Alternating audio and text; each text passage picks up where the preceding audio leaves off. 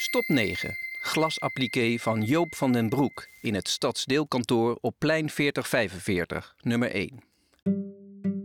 We staan hier voor een zogenaamde glasappliqué van Joop van den Broek in het voormalige hoofdkantoor van het Nederlands Verbond voor Vakverenigingen. Nu huist hier de stadsdeelcommissie van Amsterdam Nieuw-West. Glasappliqué wordt ook wel gelijmd glas genoemd. Deze techniek wordt vaak gebruikt om grote glasoppervlakken te kunnen versieren waarbij de voorstelling doorzichtig blijft, zoals we bij dit monumentale kunstwerk mooi kunnen ervaren. Glasappliqué werd na de Tweede Wereldoorlog ontwikkeld door glasindustrie van Tetterode. In samenwerking met een Engels bedrijf werd een lijm, silaan primer, ontwikkeld waarmee glasplaten konden worden verlijmd in plaats van in lood vervat, zoals dat voorheen gebeurde. Dit procedé bood de kunstenaar veel meer creatieve vrijheid.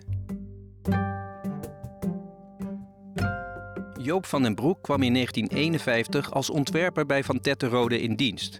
Als kunstenaar was hij erg belangrijk voor de ontwikkeling van het glasappliqué. Hij experimenteerde met verschillende groottes en diktes, waardoor bijzondere lichtwerkingen konden worden gerealiseerd.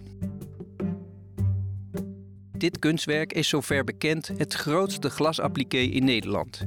Het werk is meer dan 30 meter lang. Joop van den Broek heeft het werk zelf geen titel meegegeven, maar in de volksmond is het de Phoenix gaan heten. En inderdaad, het is niet moeilijk om in dit werk een vogel te herkennen die zich ontworstelt aan de vlammen.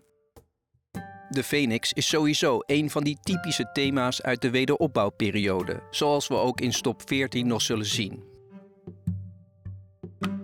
Het kunstwerk is opgebouwd uit verschillende kleuren glas, vaak grote brokken met barsten erin. Deze barsten zijn het gevolg van de bewerking van het glas met hamer en beitel, een werkwijze die Joop van den Broek zelf als actionkunst bestempelde. Einde van stop 9. Fiets nu naar de Antonie Moddermanstraat, nummer 206.